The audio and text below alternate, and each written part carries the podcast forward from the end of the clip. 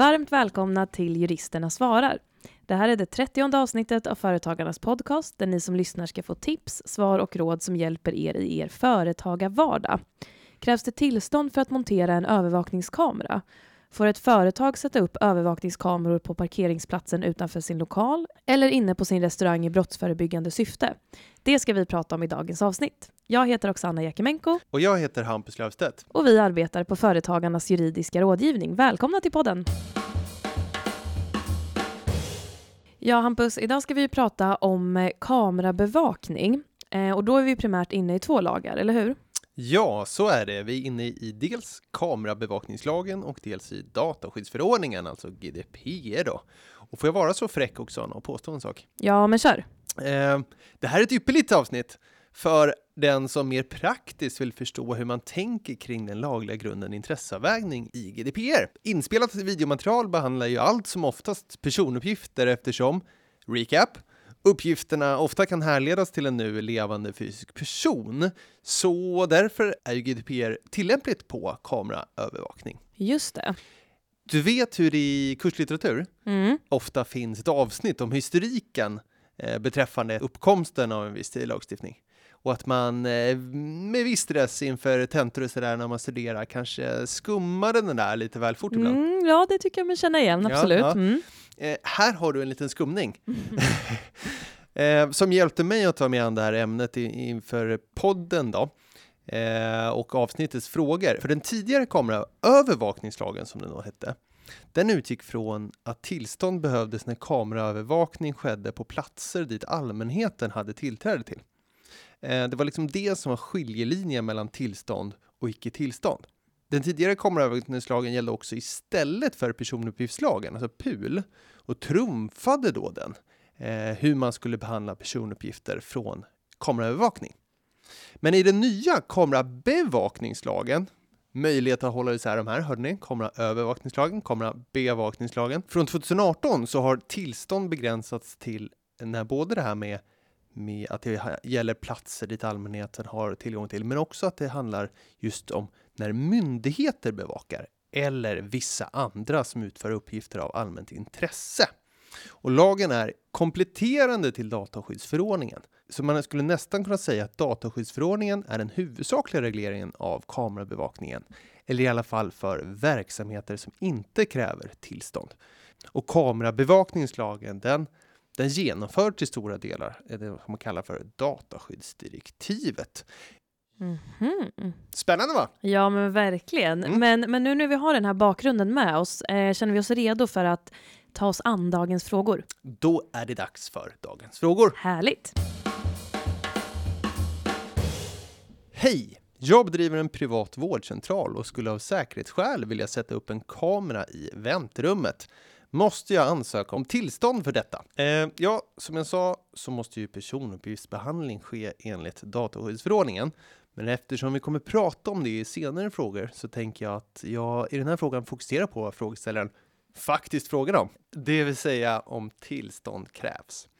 Tillstånd krävs om bevakning sker av myndighet eller av någon annan än myndighet vid utförande av uppgifter av allmänt intresse som följer av lag eller annan författning, kollektivavtal eller beslut som meddelats med stöd av lag eller annan författning. Man kan säga att det handlar om verksamheter som istället för myndigheter anförtrotts eh, förvaltningsuppgifter som innefattar myndighetsutövning. Generellt kan man säga att det gäller verksamheter inom hälso och sjukvård, skolverksamhet, kollektivtrafik, järnväg och så vidare. Så här kvalar ju frågeställarens verksamhet in Mm. en vårdcentral. Men det krävs en till förutsättning för att tillstånd ska krävas faktiskt. Hörde du förut vad förra skiljelinjen var framförallt då för tillstånd i den tidiga kameraövervakningslagen? Också? Ja, var det inte då den, den platsen som liksom personerna har tillgång till? Ja, men precis Ja. så. Så kamerabevakning ska vara en plats dit allmänheten har tillträde till. Just det. Och vad menar man då lite mer precis? Ja, här tänker man sig då till exempel tåg som vi kan alla köpa biljett till, väntkurer, parker, gallerier, torg och så vidare. Eh, och här ska sägas att det här är allmän plats i praxis, för den fanns ju tidigare kameraövervakningslagen också, Mm. så praxis är ganska omfattande. Men den har tolkats extensivt.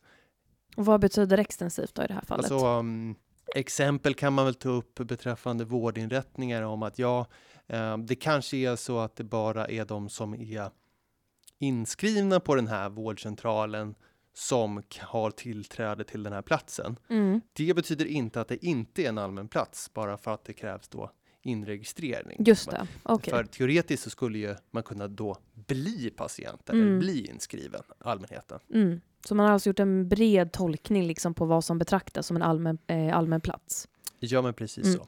Eller tillgång till allmän plats. Mm. Då. Så eh, beträffande frågeställarens fråga här så får man nog anse att är kamerabevakning i vårdcentrals väntrum eh, kräver tillstånd för att det handlar om sån verksamhet, eh, allmänt intresse, verksamhet som utför en uppgift av allmänt intresse och det är då en plats som allmänheten har tillträde till. Men vad är det jag säger? Jo, jag säger just kamerabevakning i väntrummet kräver tillstånd. Och det materiella tillämpningsområdet av kamerabevakningslagen begränsas just av hur kamerabevakning definieras. Okej, men vad, vad är liksom, finns det några kriterier för att det ska betraktas som just kamerabevakning då enligt kamerabevakningslagen? Ja, och det finns det ju så bra definierat och då är det ju då att det ska handla om en tv-kamera står det.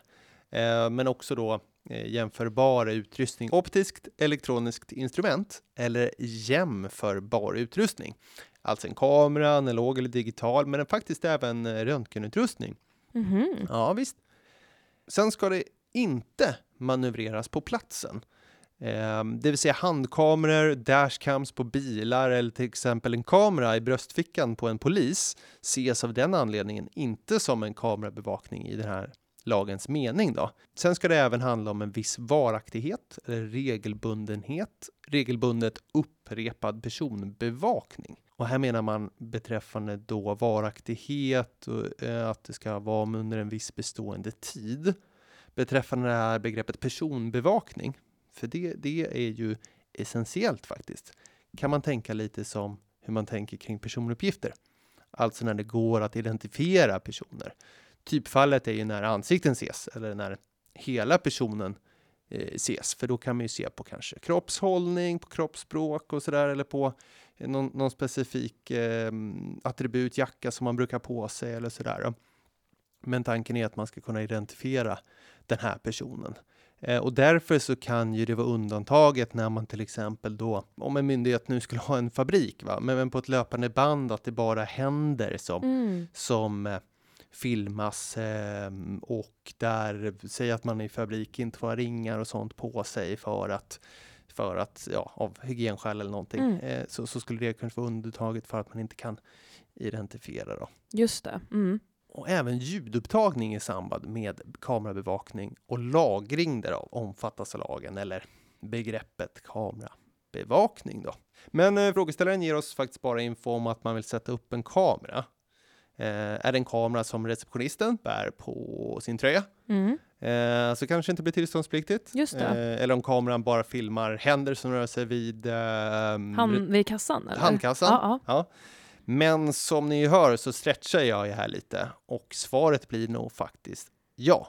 Eh, Det krävs nog tillstånd. Okej, så det krävs förmodligen tillstånd här då i lyssnarens fall.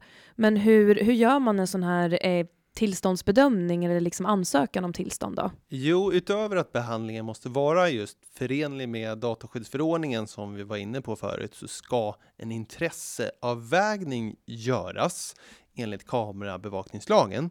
Och intresseavvägningen utgår då från om intresset av en sådan bevakning väger tyngre än en enskildes intresse av att bli bevakad. Det här är då en intresseavvägning som utgår från åttonde paragrafen i kamerabevakningslagen. Då. Och den är inte alldeles olik resonemangen som man för beträffande lagliga grunden intresseavvägning i GDPR som vi kommer att prata lite Mm. mer om Ja, senare. men precis. Av den här paragrafen då, så framgår det att beträffande bedömningen av intresset för kamerabevakning ska man särskilt beakta om bevakningen behövs för att förebygga eller upptäcka brottslig verksamhet eller utreda eller lagföra brott på brottsutsatta platser eller på andra platser där av någon annan särskild anledning finns risk för angrepp på någons liv, hälsa eller trygghet eller på egendom. Till exempel om det finns brottsproblematik kring ett torg eller dylikt kan det tala för ett bevakningsintresse.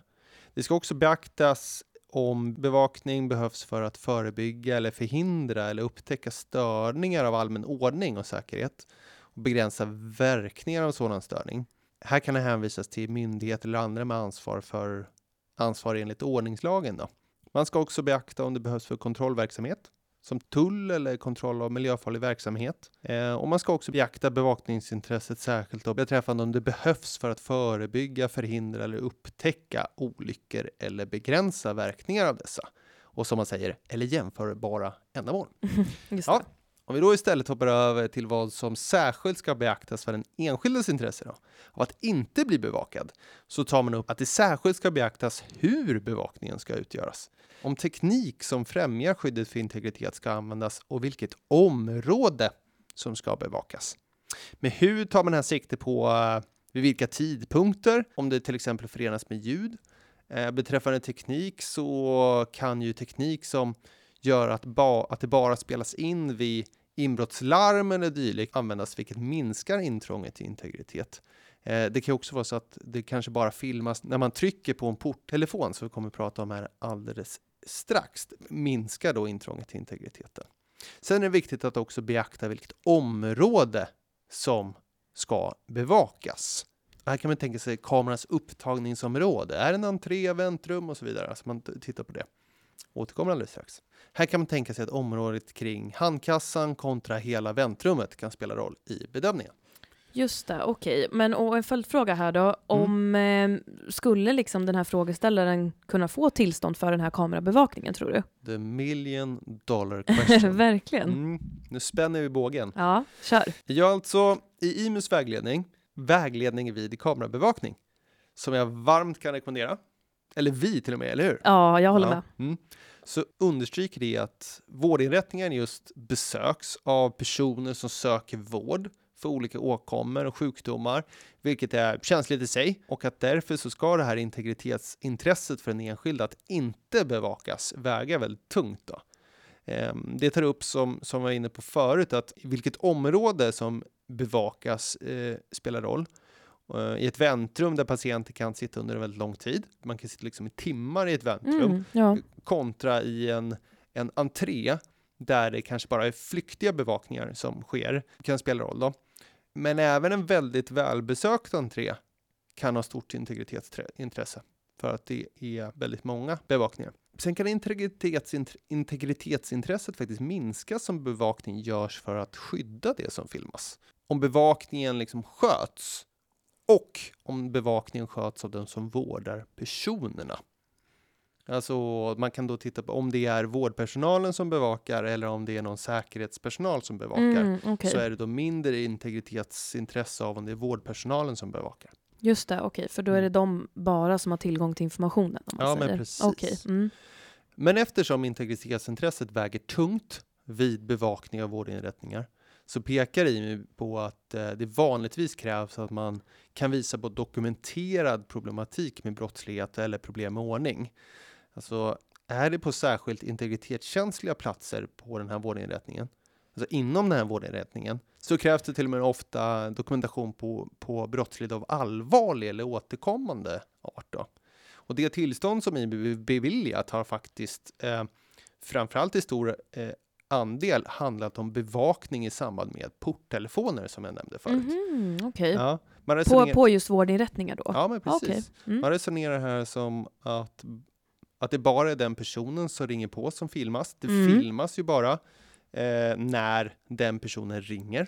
Eh, det är ett begränsat område vid entrén. Och att eh, det finns då ett bevakningsbehov här av säkerhetsskäl då. Att bara behöriga personer eller personer som inte utgör säkerhetsrisk får tillträde till vissa områden. Då. Okej, men jag tänker, finns det några exempel i den här vägledningen på ärenden som IMY har avslagit då, för att man tycker att det här bevakningsintresset kanske inte väger så tungt? Ja, eller där integritetsintresset Väger tyngre helt Ja, men enkelt? precis. Ja, ja. Ehm, ja, i ärenden där IMI avslagit ansökningar om bevakningar inom vårdinrättningar har det i många fall berott på att den sökanden inte kunnat bevisa att det finns tydliga problem med ordning eller brottslighet och att det inte kunnat eh, bevisa tungt vägande bevakningsskäl, eh, vilket ju hänger ihop. Det räcker då inte med skäl som att man vill öka säkerhet eller öka trygghet, utan som sagt, de här, utan den här dokumentationen krävs oftast då. Så på frågeställarens fråga så blir svaret, det beror på. Vi har lite för lite information här. Eh, men eftersom det handlar om tunga integritetsintressen vid bevakning av en vårdinrättnings väntrum så skulle, jag nog, så skulle nog tydlig dokumentation av omfattande brottsproblematik kring brottslighet såsom skadegörelse, hot och, och, och våld då krävas. Och vidare så är det framförallt vid begränsade ytor som beviljas där sån här risk för ja, för, någons, eh, för brottslighet och risk för någons hälsa, liv och, och trygghet funnits. Då. Så mm. Vidare som sagt framförallt bevakning av begränsade ytor som beviljas där risk för någons hälsa, liv eller trygghet genom brottslighet eh, funnits. Då. Mm, just det. Bra, men eh, vad säger du om att gå vidare till fråga två? Jag tycker det låter som en ypperlig idé. Toppen. Hej! Jag och min man ska snart öppna vår tredje restaurang. Vi är dock lite nervösa för att ha en restaurang i just det här området då vi har hört från andra restaurangägare att det förekommit olika typer av stölder, snatteri och skadegörelse. Vi skulle gärna vilja sätta upp kameror, framförallt i ingången till vårt lager där vi har alkohol och livsmedel. Får vi göra detta? Ja, alltså om, om det här inte är en restaurang som drivs av en myndighet eller av någon annan än en myndighet som utför uppgifter av allmänt intresse så behöver man ju som sagt då inte tillstånd för att bedriva kamerabevakning på en restaurang. Och vad betyder det här då? Ja, det här betyder ju att det är helt enkelt upp till bolaget som vill bedriva den här kamerabevakningen att själva avgöra om kamerabevakningen följer kamerabevakningslagen och dataskyddsförordningen. Och för att den här kamerabevakningen ska vara lagenlig så måste då den personuppgiftsansvarige, alltså den som vill bedriva kamerabevakningen, restaurangbolaget i det här fallet då, bestämma för vilka ändamål som personuppgifterna får behandlas, alltså de här personuppgifterna som samlas in genom kamerabevakningen. Och varför är det här viktigt då? Jo, men det är ju för att det är just den personuppgiftsansvarige som ska se till att kamerabevakningen sker enligt de grundläggande principerna i dataskyddsförordningen, att kravet på rättslig grund för behandling av personuppgifter är uppfyllt och vidare då se till att eh, informationskravet i kamerabevakningslagen följs. Som andra ord, det är den personuppgiftsansvarige som måste säkerställa att den här kamerabevakningen är laglig innan den påbörjas. Eh, ja, men och som vi har nämnt i tidigare avsnitt här i podden så finns det ju sex rättsliga grunder som kan användas vid personuppgiftsbehandling. Och vid icke tillståndspliktig kamerabevakning så är det normalt sett eh, intresseavvägning som används som rättslig grund. Och när man använder sig av den här rättsliga grunden, intresseavvägning, mm. då måste man alltså göra, eller det man gör då helt enkelt, är att man gör en avvägning mellan bolagets intresse att få bevaka en viss del av restaurangen i det här fallet, kontra de enskildas intresse att inte bli bevakade. Och i det här fallet så är de enskilda kanske då restaurangbesökare, men jag tänker också att det kan vara anställda och leverantörer. Ja, men du hör ju. Va? En praktisk guide till GDPR och den rättsliga grunden intresseavvägning. Alltså, yes. Alltså drömavsnitt. men okej, okay, hur ska man tänka när man gör en sån här intresseavvägning då? Ja, alltså det man behöver göra här, det är ju att man, eh, man behöver liksom fastställa ändamålet med bevakningen. Mm. Alltså varför behövs den här kamerabevakningen överhuvudtaget? Är det för att det är kul? Eller är det för att det faktiskt finns ett behov av kamerabevakning för att till exempelvis ja, men, förebygga och upptäcka brott? Just. Och, och, är svaret här, ja, för att det är kul, mm. då, finns, då väger ju det här bevakningsintresset definitivt inte tyngre än de enskildas intresse att inte bli bevakade. Just eh, men vill man kamerabevaka i brottsförebyggande syfte så kan bevakningsintresset vara berättigat. Det vill säga att det kan väga tyngre än integritetsintresset. Du säger att intresset av kamerabevakning i brottsförebyggande syfte kan väga tyngre än integritetsintresset hos den registrerade då. Men betyder det att det inte alltid är så? Då?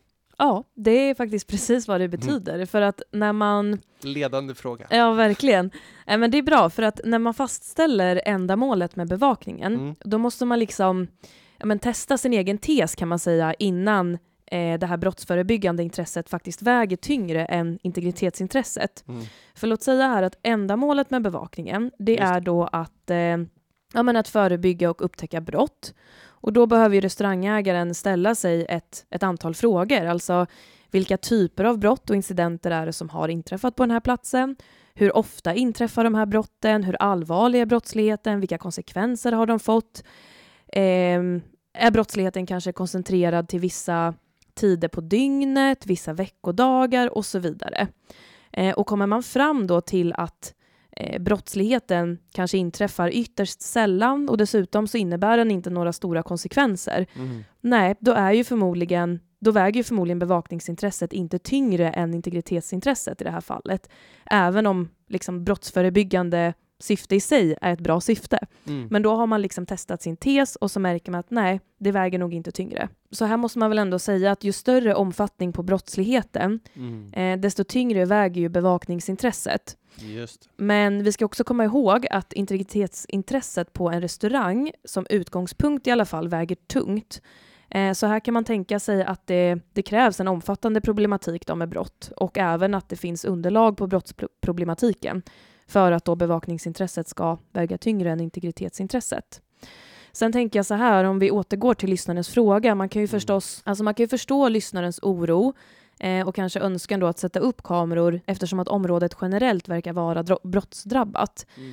Men jag tror kanske att det kan vara svårt här att motivera att bevakningsintresset väger tyngre än integritetsintresset eftersom att brottsligheten ännu inte har inträffat eftersom att de ännu inte har öppnat restaurangen. Eh, nej men och att använda sig av motiveringen eller förklaringen liksom att området eh, är brottsutsatt i allmänhet, det är nog inte tillräckligt för att eh, bevakningsintresset ska väga tyngre än den enskildes intresse att inte bli bevakad helt enkelt. Om det då inte rör sig om, om ett område som är liksom i direkt anslutning till ett torg eller till en tågstation eller någonting annat, alltså ett väldigt begränsat utrymme, ja, eh, begränsat in... område, då kanske det skulle funka. Så kanske inte som område som ort, men, men, men eh, område som vid Ja, men avgränsad, liksom väldigt avgränsad. Ja. Ja, men precis. Eh, men jag tänker om vi ska fortsätta här på, på hur man gör den här intresseavvägningen då, mm. så krävs det att förutom att brottsligheten behöver vara omfattande då för att den här bevakningsvågskålen, som det heter, ska mm. väga tyngre än integritetsvågskålen, mm. så behöver ju restaurangägaren också fundera på eh, ja, men kamerans upptagningsområde och tiden för bevakning, precis som du var inne förut på Hampus. Mm. Eh, och enligt IMY då så är kontinuerlig kamerabevakning av gäster vid ett bord eller mm. bardisk eh, sån kamerabevakning är i princip aldrig tillåten. Mm. Men däremot så kan kamerabevakning i andra delar av en restaurang vara motiverad. Så att eh, när restaurangägaren liksom funderar på syftet med kamerabevakning och besvarade de här frågorna som jag tog upp förut, mm. så kanske ägaren kom fram till att jo, men brottsligheten sker just i anslutning till det här lagret där man för, mm. förvarar alkohol och livsmedel. Mm. Och den sker framförallt mellan klockan 22 och klockan 00. Och det rör sig inte några gäster där för nöjes skull och att de anställda som rör sig där uppehåller sig vid ingången till lagret kanske bara en kortare tid då för att hämta eller lämna någonting. Mm. Um, och då skulle man kunna tänka sig att bevakningsintresset av att sätta upp kameror på just den platsen som är på under just de här specifika tiderna mm. skulle då väga tyngre än integritetsintresset för de personer som rör sig där. Finns det någon anledning där kring varför man tänker att det är en pris i princip eh, nästan aldrig går att vinna inom citationstecken en intresseavvägning av, av bevakning kontinuerligt av ett restaurangbord? Så här, ja, alltså som jag förstår det så är det för att när man besöker en restaurang så är man ju där för, för nöje och avslappning mm. och då väger integritetsintresset generellt sett tyngre. Mm. Mm.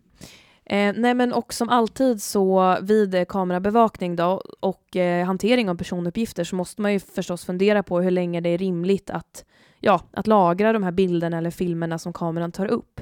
Just. Och eh, där säger ju dataskyddsförordningen att man får lagra materialet, alltså de här personuppgifterna då som man tar upp genom kameran, så länge det är nödvändigt att uppfylla ändamålet med kamerabevakningen. Och enligt IMY, som vi för övrigt ska säga är tillsynsmyndigheten för efterlevnaden av dataskyddsförordningen. Just det, och kamerabevakningslagen.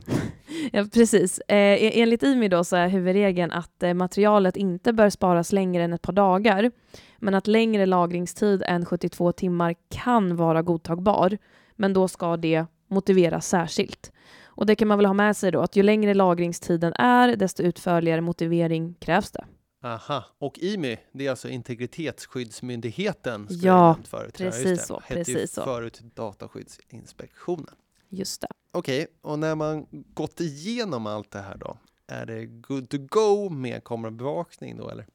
Ja, nästan. För att låt säga här att man landar i att man har en rättslig grund för att bedriva kamerabevakningen Just, vid den här just. ingången till lagret där restaurangen förvarar alkohol och livsmedel. Just, just. Då måste man ju också se till att informera om kamerabevakningen och personuppgiftsbehandlingen på ett tydligt sätt. Och sen är det good to go. Är det upp till ägaren att välja hur man informerar eller finns det några särskilda regler kring det?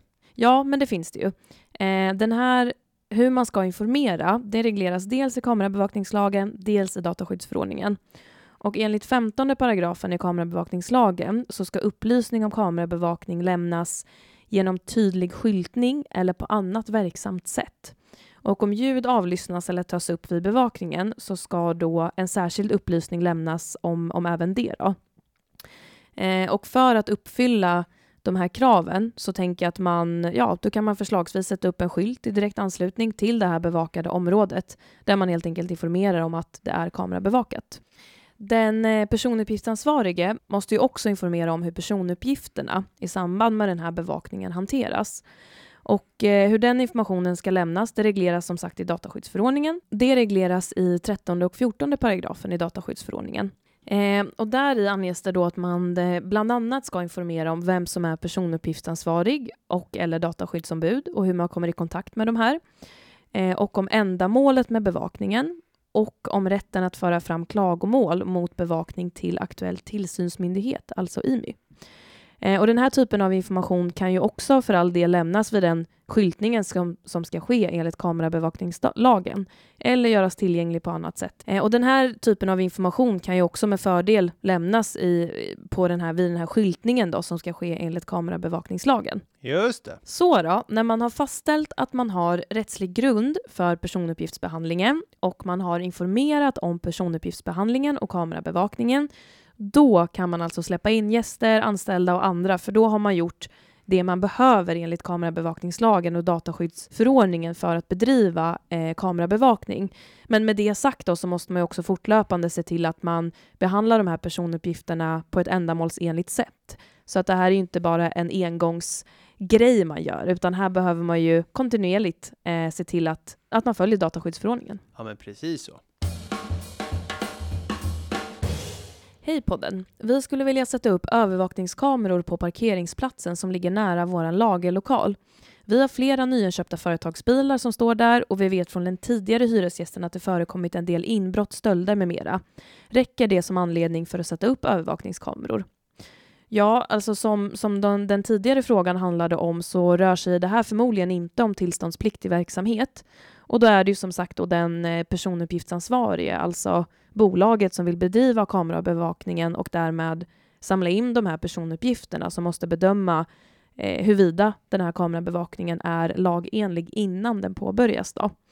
Eh, så att även i det här fallet så behöver ju lyssnaren använda intresseavvägning som laglig grund och därmed då göra en intresseavvägning mellan bolagets bevakningsintresse och individers intresse att inte bli bevakade. Men jag tänkte att för att inte upprepa det jag sa i förra frågan Mhm. så tänkte jag att jag här skulle gå in på den här vägledningen som du pratade om, IMYs vägledning för kamerabevakning. För i den så finns det exempel på hur IMY har resonerat i ärenden där verksamheten som har velat bedriva kamerabevakning på en parkeringsplats har varit tillståndspliktig och därmed då skyldig att ansöka om tillstånd innan bevakningen påbörjades. Mm. Eh, och trots att den här vägledningen då just handlar om tillståndspliktiga verksamheter så tänker jag att IMYs resonemang eh, kan användas som en, ja, men som en fingervisning i hur icke tillståndspliktiga verksamheter ska tänka då när de gör den här intresseavvägningen. Eh, och enligt IMY då så väger integritetsintresset vid parkeringsplatser i regel relativt lätt. Och det är eftersom att det är en plats där människor eh, oftast vistas bara kortvarigt. Eh, och det är inte heller en plats där människor vistas för fritids eller nöjessyften eller sådär. Däremot så kan integritetsintresset variera då förstås beroende på hur parkeringen är utformad och vad som finns i närområdet. Okej, kan du ge några exempel på hur integritetsintresset kan väga olika tungt beroende på parkeringens utformning och geografiska plats kanske? Ja, det kan jag. För låt säga så här då. Låt säga att det är fråga om en eh, parkering i ett bostadsområde. Mm. Då kommer ju de boende som nyttjar den här parkeringen att eh, bevakas i princip dagligen, om Mm. det är en sån typ av övervakning. Eh, vilket innebär då risker för kartläggning av enskildas privatliv. Så på sådana parkeringsplatser så väger integritetsintresset tungt. Och samma sak gäller för parkeringar som ligger centralt belägna, till exempelvis i stadskärnor eller parkeringar i direkt anslutning till en plats för nöje eller avkoppling. Då kan som sagt integritetsintresset väga tungt. Men om vi däremot tänker oss en, eh, ja, men en pendlarparkering vid en landsväg, då vistas ju personer i regel där endast väldigt tillfälligt Mm. och då väger integritetsintresset lättare. I majoriteten av, de av ärendena som, där IMI har beviljat tillstånd för kamerabevakning vid parkeringsplatser, då har det rört sig om parkeringsplatser som har varit brottsutsatta. Eh, och eh, i de här ärendena, då har sökanden då helt enkelt kunnat visa på en dokumenterad och återkommande problematik med eh, ja, bilinbrott, bilbränder eller skadegörelse då vid den här parkeringen som, Mm. som man vill bevaka. Och i de här fallen så har bevakningen också varit begränsad till endast själva parkeringsytorna då och inte områden som ligger i, i direkt anslutning och som kanske skulle kunna vara av lite mer känslig karaktär. Eh, sen så finns det några andra ärenden där IMY har, har tyckt att eh, den redovisade brottsligheten, eh, den, har ju, den är i och för sig inte av sån omfattning att det är fråga om bevakning av en just brottsutsatt plats. Men här har man ändå bedömt att sökanden har haft ett visst bevakningsbehov mot bakgrund av vad som har skett på platsen. Och tro, trots att bevakningsintresset i de här fallen inte då har vägt lika tungt så har det ändå bedömts väga tyngre än integritetsintresset på platsen. Och det har varit bland annat på grund av att bevakningen har varit begränsad till kvällar och nätter, alltså när integritetsintresset väger lättare, eller att parkeringen ligger avsides och att integritetsintresset av, av den anledningen bedöms väga lättare. Eh, och vad kan man dra för slutsatser av de här eh, IMY eh, IMY-ärendena då, som man kan ta med sig även för då privata aktörer eh, som, som vill komma och bevaka en parkeringsplats? Jo, men jag tycker nog att en slutsats man kan dra, det är ju att om man vill kamerabevaka en parkeringsplats som ligger i ett bostadsområde Mm. eh, i direkt anslutning till en plats för nöje och avkoppling eller eh, på något annat sätt på en plats där det rör sig mycket människor, Mm. då behöver problematiken med brottsligheten vara återkommande och omfattande Mm. och gärna dokumenterad. Eh, och dessutom då så behöver den här kamerabevakningen vara begränsad till att omfatta endast eh, parkeringsytor och inte närliggande områden. Däremot om man vill kamerabevaka en parkeringsplats som ligger mer avsides, där Mm. liksom risken för ja, kartläggning av eh, individers privatliv är låg Mm. och där det helt enkelt inte rör sig så mycket människor, då kan mindre omfattande brottslighet i kombination då med andra åtgärder Mm. till exempelvis att man begränsar eh, tiden för när överva- övervakningen sker. Det kan då vara tillräckligt för att bevakningsintresset ska väga tyngre än in- integritetsintresset. Då så! Då är vi klara med dagens avsnitt. Och som medlem i Företagarna kan du utan kostnad ringa till oss och våra kollegor på den juridiska rådgivningen och få personlig hjälp. Du når oss på telefon 0771 45 45 45 och klippningen den är gjord av Petra Chu och underlaget av David Hagen. Vi, vi hörs igen om två veckor. Tack för att ni har lyssnat. Hej då! Hej då!